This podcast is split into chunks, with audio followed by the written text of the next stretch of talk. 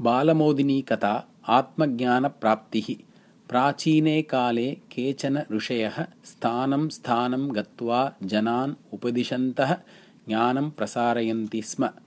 अन्ये केचन स्ववसतिस्थले एव तिष्ठन्ति स्म। भक्ताः उपदेशं श्रोतुं तेषां समीपम् एव आगच्छन्ति स्म। कदाचित् सृष्टिकर्ता ब्रह्मा अचिन्तयत्। मया सृष्टिकार्यं परित्यज्य तपः आचरणीयम् इति।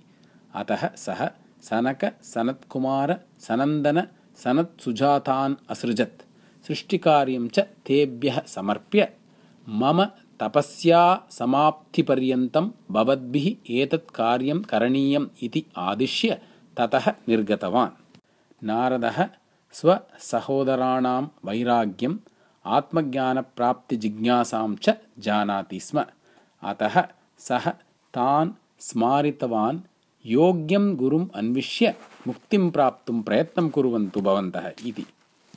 एतत् युक्तं भावयन्तः सनकादयः वैकुण्ठं गतवन्तः। तत्र लक्ष्मीसमेतः विष्णुः तैः दृष्टः। तत्रत्यं वैभवम् अपि तैः लक्षितं ते अचिन्तयन्। गृहस्थः लक्ष्मीपतिः स वैभवनगरवासी। एषः अस्मभ्यम् आत्मज्ञानं दातुं कथम् अर्हेत् इति। भगवान् शिवः अन्तर्ज्ञानेन एतत् सर्वं ज्ञातवान्।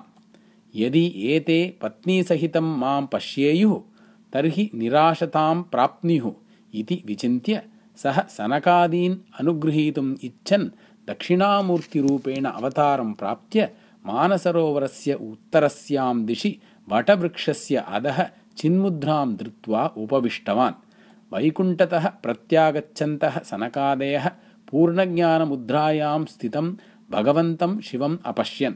शिवस्य दर्शनसमनन्तरम् एव ते संशयरहिताः प्रमुदिताः च अभवन्। त्रिभिः प्रदक्षिणैः तं नमस्कृत्य तस्य पादमूले उपविष्टवन्तः ते। तत्रैव समाधिस्थाः सन्तः ते आत्मज्ञानवन्तः जाताः